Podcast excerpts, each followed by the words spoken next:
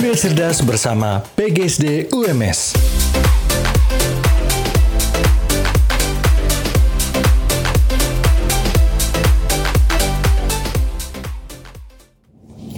Bismillahirrahmanirrahim. Assalamualaikum warahmatullahi wabarakatuh. Apa kabar kalian yang tengah mendengarkan podcast kuliah cerdas bersama PGSD UMS Kenalin dulu ada saya Akbar Asari yang bakal temenin kamu semuanya di kuliah cerdas bersama PGSD UMS Tentunya kita akan membahas satu topik yang menarik yang Akbar yakin ini juga bisa dibutuhin buat kalian Ketika kalian kuliah ataupun juga kalian bertemu dengan klien Atau juga kalian ngejual produk yang mungkin punya usaha nih di luar sana punya usaha butuh uh, persiapan materi untuk presentasi. Nah kita bakal bahas kuliah cerdas bersama PGSD UMS tentunya selepas satu lagu berikut ini. Check this out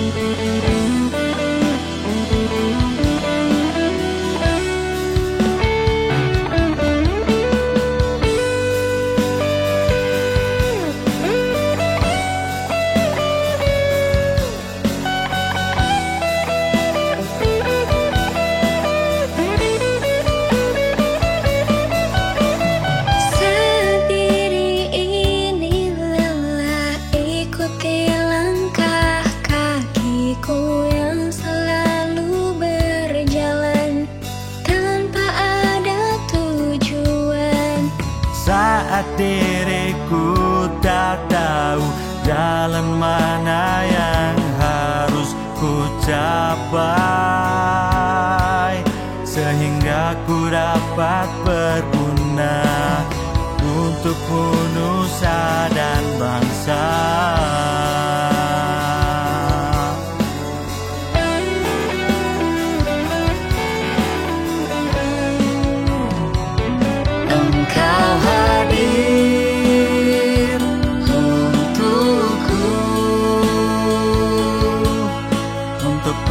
persembahkan aneka ilmu.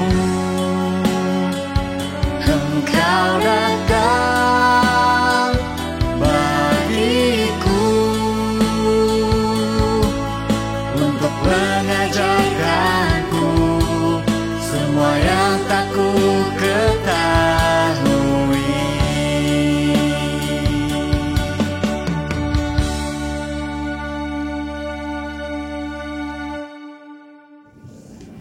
masih dalam podcast kuliah cerdas bersama PGSD UMS dan tentunya Akbar tidak sendiri di kesempatan kali ini karena ada narasumber.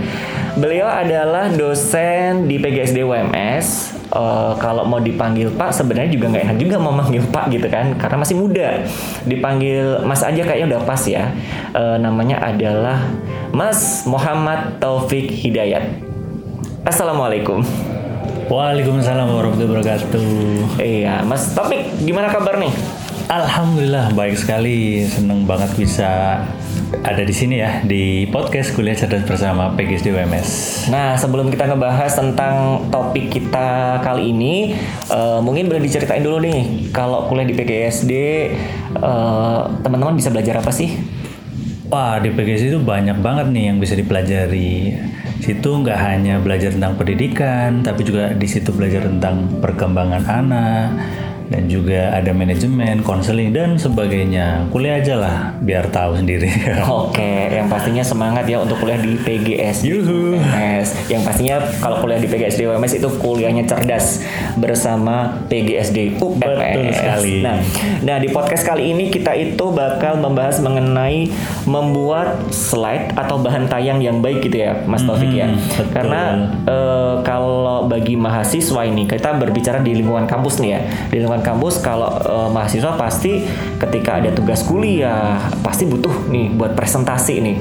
Terus kalau misalkan eh, mereka lagi berorganisasi di UKM UKM nih, mereka juga pasti eh, ketika LPJ masing-masing LPJ, ya. masing-masing divisi ini juga menyiapkan bahan presentasinya.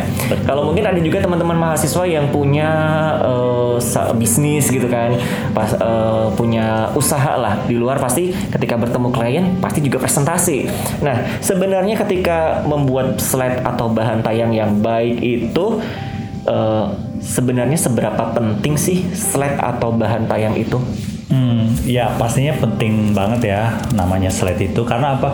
Karena slide itu tuh membantu si presentator atau yang mau ngasih materi nih untuk jadi gambaran ya, gambaran besar apa yang mau ditayangkan. Terus yang kedua jadi ini perhatian juga walaupun perhatian utamanya tetap presentator ya, tapi slide itu bantu banget untuk meng, eh, apa ya, jadi patokan, kemudian juga di situ jadi ilustrasi ya.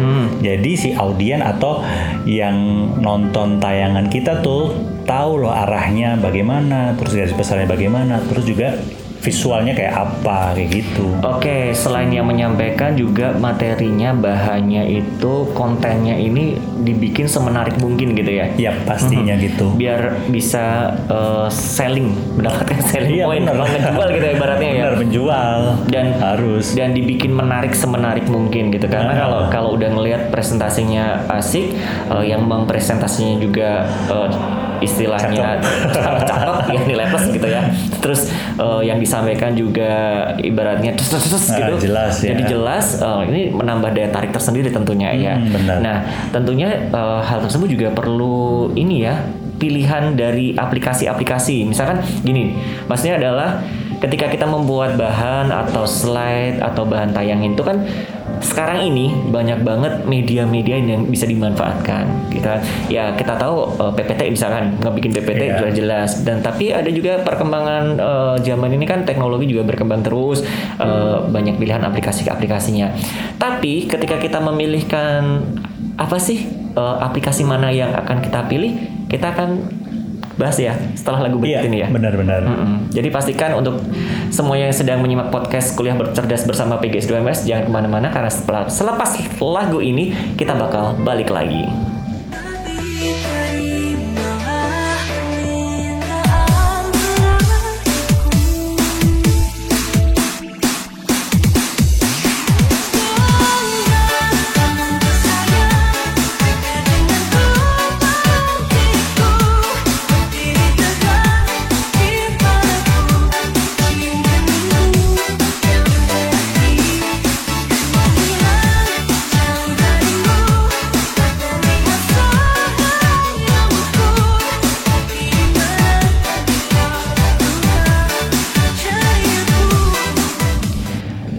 Masih dalam podcast kuliah cerdas bersama PGSD UMS dan kali ini kita membahas mengenai membuat slide bahan tayang yang baik. Mas Topik, kalau tadi sebelum lagu eh, kita udah nyinggung nih pilihan untuk ngebuat slide atau bahan tayang itu dengan aplikasi apa sih sebenarnya?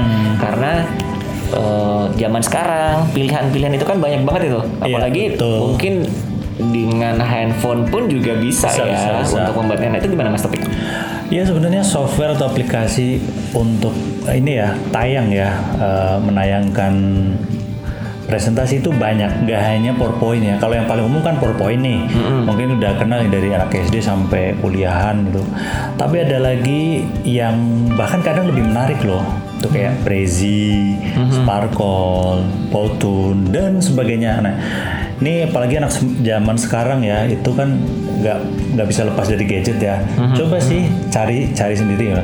Misalnya eh, dengan kata kunci di Google presentation application atau presentation software pasti nih nemuin mungkin ada yang cocok nih salah satunya. Mhm. Mhm. Oke, dengan eh, dengan era sekarang ini kan pasti dengan tadi disampaikan Mas Topik ada googling aja nih. Iya, Pasti bakal benar. muncul banyak kan pilihan-pilihan pilihan untuk membuatnya. Nah, terus eh, yang menjadi prinsip presentasi itu sendiri gimana Mas Topik? Prinsip presentasi, oke. Nah, terlepas dari mau pakai aplikasi atau software apa pun ya, tapi kan tetap ya namanya itu sama aja namanya presentasi. Nah, kalau prinsip presentasi itu yang pertama, yang jelas kita presenter itu bintangnya. Jadi walaupun tadi secanggih apa pun software atau aplikasi kita tuh, ya, semenarik apa pun, tetap jangan sampai kalah presenternya itu harus jadi bintang utamanya ya. Ikonnya ya. Iya benar. Pokoknya paling bersinar lah kayak gitu. Yang kedua ya slide itu tadi hanya membantu ya, melengkapi ya, menyempurnakan itu.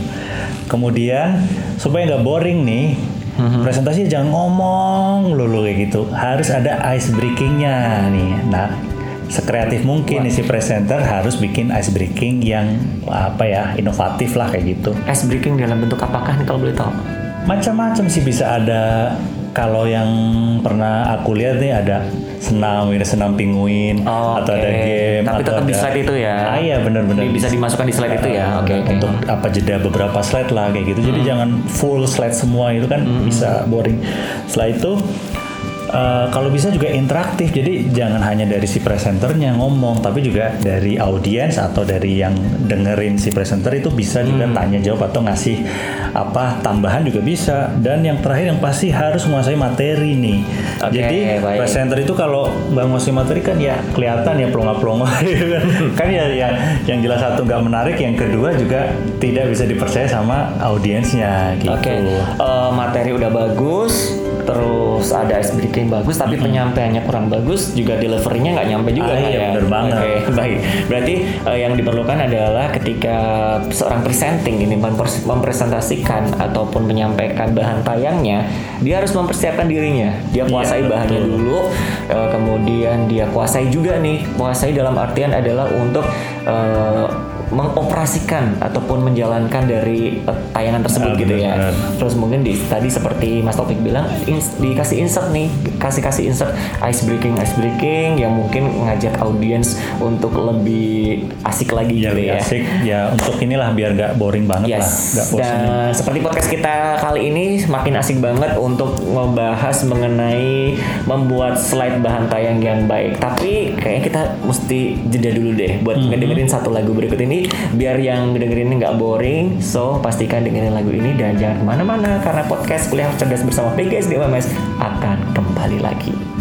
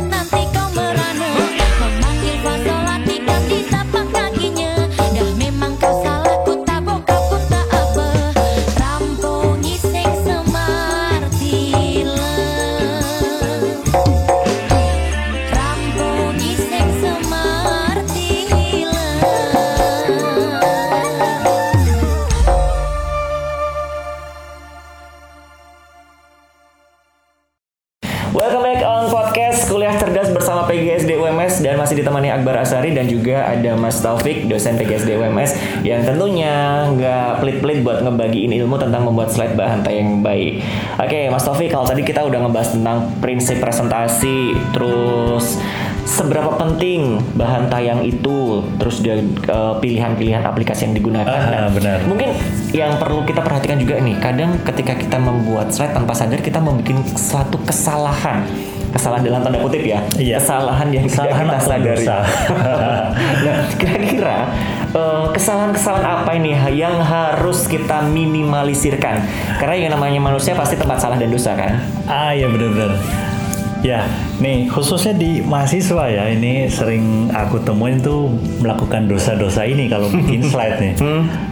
Juga mungkin di tempat lainnya di apa konteksnya tempat kerja kantor gitu juga kan mereka bikin slide juga.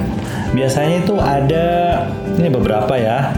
Yang pertama itu slide-nya itu penuh banget itu teks semua tulisan semua ya itu Full keriting. text gini. Iya, apalagi ya tulisannya kecil ya gitu kan.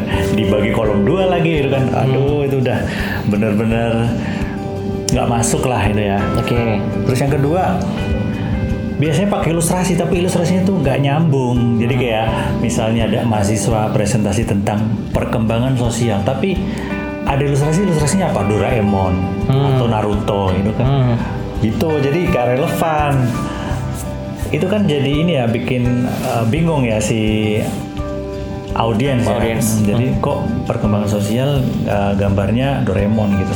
Terus selanjutnya itu pakai ilustrasi biasanya download di Google, tetapi itu Google langsung di download langsung di depan itu loh, tidak dimasuk dulu. Jadi resolusinya rendah, jadi kurang menarik ya. Ya. Apa sih namanya ngeblur gitu ya? Tuh. Dan ke apa ya? Kalau mainin ilustrasi maupun background itu kadang Berarti berhubungan dengan warna gitu ya? Ah ya benar berhubungan dengan warna itu kadang kurang kontras. Oke, Jadi misalnya backgroundnya itu abu-abu, terus tulisannya itu putih kan tidak kelihatan. Oke, mendingan kasih merah sekalian ya. ya kamera juga. Maksudnya itu kalau hitam ya putih kayak gitu kan. Oke, kombinasi warnanya. Nah oke. bener bener jadi biar kontras lah. Kenapa? Supaya itu yang baik di depan atau di belakang itu masih bisa lihat kan slide kita gitu tulisannya apa. Terus selanjutnya kalau ada slide eh, yang berisi tabel itu biasanya di tabelnya apa ya apa adanya. Oke. Jadi tetap susah untuk dibaca. Padahal kalau misalkan di apa salah satu yang yang dulu sering dipakai waktu kuliah itu kan eh, apa Microsoft PowerPoint kan tabel udah tersedia sih sebenarnya template-nya ya. Eh, tapi kan kadang kan semisal gitu kan. eh, ada entah dosen, mahasiswa, guru ataupun yang lain itu Copy paste dari Iya, dari itu cuma bahan kopas aja tapi bingung gitu sih. Oke. Ini mau lihat di kolam yang mana, baris Iya. yang mana itu kan. Oke, ha.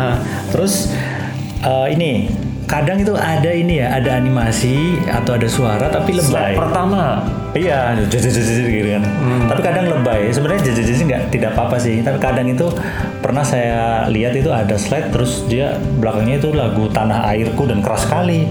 Oke, Itu oh, berarti tidak balance, banget. tidak balance antara back sound dengan animasi Ah, soundnya. bener-bener ya. Oke. Animasi kadang juga tadi kayak, eh, ada gambar Naruto sedang Tapi bener juga sih pernah ikut presentasi itu ada eh, presenter itu yang menayangkan satu slide dalam satu halaman Ah. animasi soundnya luar biasa. Jebreng, jebreng, jebreng, jebreng. Dan menurut Akbar itu jadi kayak annoying sih Ah, iya, sebenarnya. bener, jadi bener. kayak Mm-mm. mhm. itu terus tadi yang uh, pernah lihat itu ada animasi GIF ya gambar GIF itu Naruto gerak-gerak kayak gitu kan. Hmm. Nah itu kan kadang juga mendistrak ya maksudnya loh ini lagi materi apa kok ada gambar apa Naruto. ini ya? Nah ini yang dan yang terakhir tata letak ya itu kadang acak-acakan jadi kanan kiri gitu kan terus kadang ada yang dimiringkan mungkin menurut dia itu biar estetik kayak gitu tapi kan ya masa kita mau harus miring-miring kepalanya kayak gini kan aneh kan kayak Oke, gitu tuh, baik. tuh, kurang lebih Berarti biar terbaca dengan baik gitu ya. Hmm, benar. Oke. Nah kalau eh, sudah disampaikan tentang kesalahan-kesalahan yang mungkin diminam, di- diminimalisir. Nah terus rumus untuk ngebuat slide ini sendiri gimana sih Mas Taufik? Ya kurang lebih sih ada lima ya ini ada lima rumus membuat slide yang bagus. Yang pertama ya jelas namanya tulisan harus mudah dibaca. Oke. gitu kan. Walaupun pengen eh, estetik fontnya yang bagaimana atau warna yang bagaimana, tetap harus yang paling utama wajib bisa dibaca.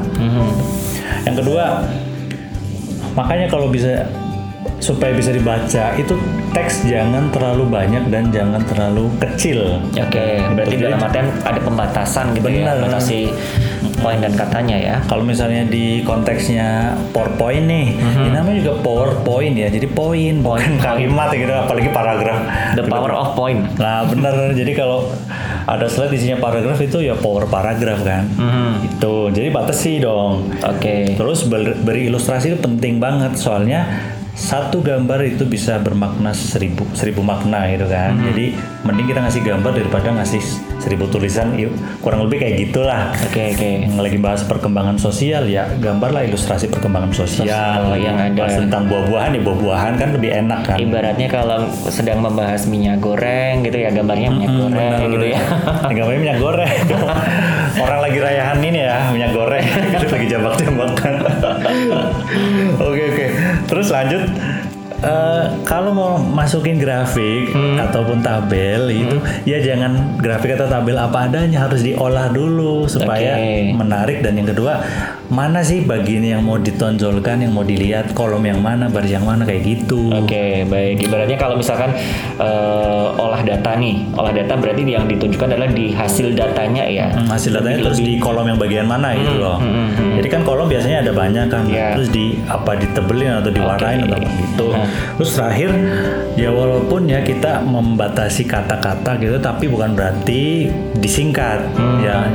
Disingkat itu artinya seperti DST, BST, YG, nah itu. DNG. DND kan. Itu kalau bisa jangan ya. Hmm. kita me- merangkum tulisan atau menyingkat tulisan tetapi bukan eh, apa ya katanya diputus-putus seperti yang jadi YG kan. Itu kurang enak untuk dibaca dan yang kedua ya Hmm. gimana ya maksudnya kesannya juga kalau misalnya di kantor atau di kampus ya kurang formal ya alay ya. Alay, Oh, oke, bener baik. alay ini huruf besar Wah. kecil udah Oke. disingkat besar kecil gitu Aha. Oke itu. Ya, oke. Berarti ini eh, tadi tujuh kesalahan untuk ngebuat slide udah disampaikan juga. Terus ada juga lima rumus cara ngebuat slide-nya udah disampaikan juga. Mudah-mudahan nih Mas Taufik buat teman-teman yang lagi dengerin podcast kuliah cerdas bersama PGSD UMS ini, eh, ini bisa diambil ilmunya nih. Amin. Iya kan bisa diambil ilmunya dan bisa bermanfaat untuk teman-teman. Mungkin ada juga teman-teman yang eh, lagi ngerjain tugas. nih. Oh iya, ternyata gini nih. Berarti harus aku rubah seperti ini gitu kan. Biar bisa selling gitu ya. Bisa selling poinnya benar. dapat dan gitu deh. Ya sudah, terima kasih Mas Taufik udah berbagi tentang membuat slide bahan tayang yang baik. Terima kasih banyak. Sama-sama. Sehat selalu buat Mas Taufik. See you on next episode ya di podcast kuliah cerdas Siap, bersama siap. PGSD UMS dan terima kasih juga untuk tim yang sudah ngebantu eh, tayang dari tayangnya podcast kuliah cerdas bersama PGSD UMS. Ya sudah, Akbar Asari undur diri. Terima kasih. Mohon maaf apabila ada hal-hal yang kurang berkenan. Assalamualaikum warahmatullahi wabarakatuh. Kuliah cerdas bersama PGSD UMS.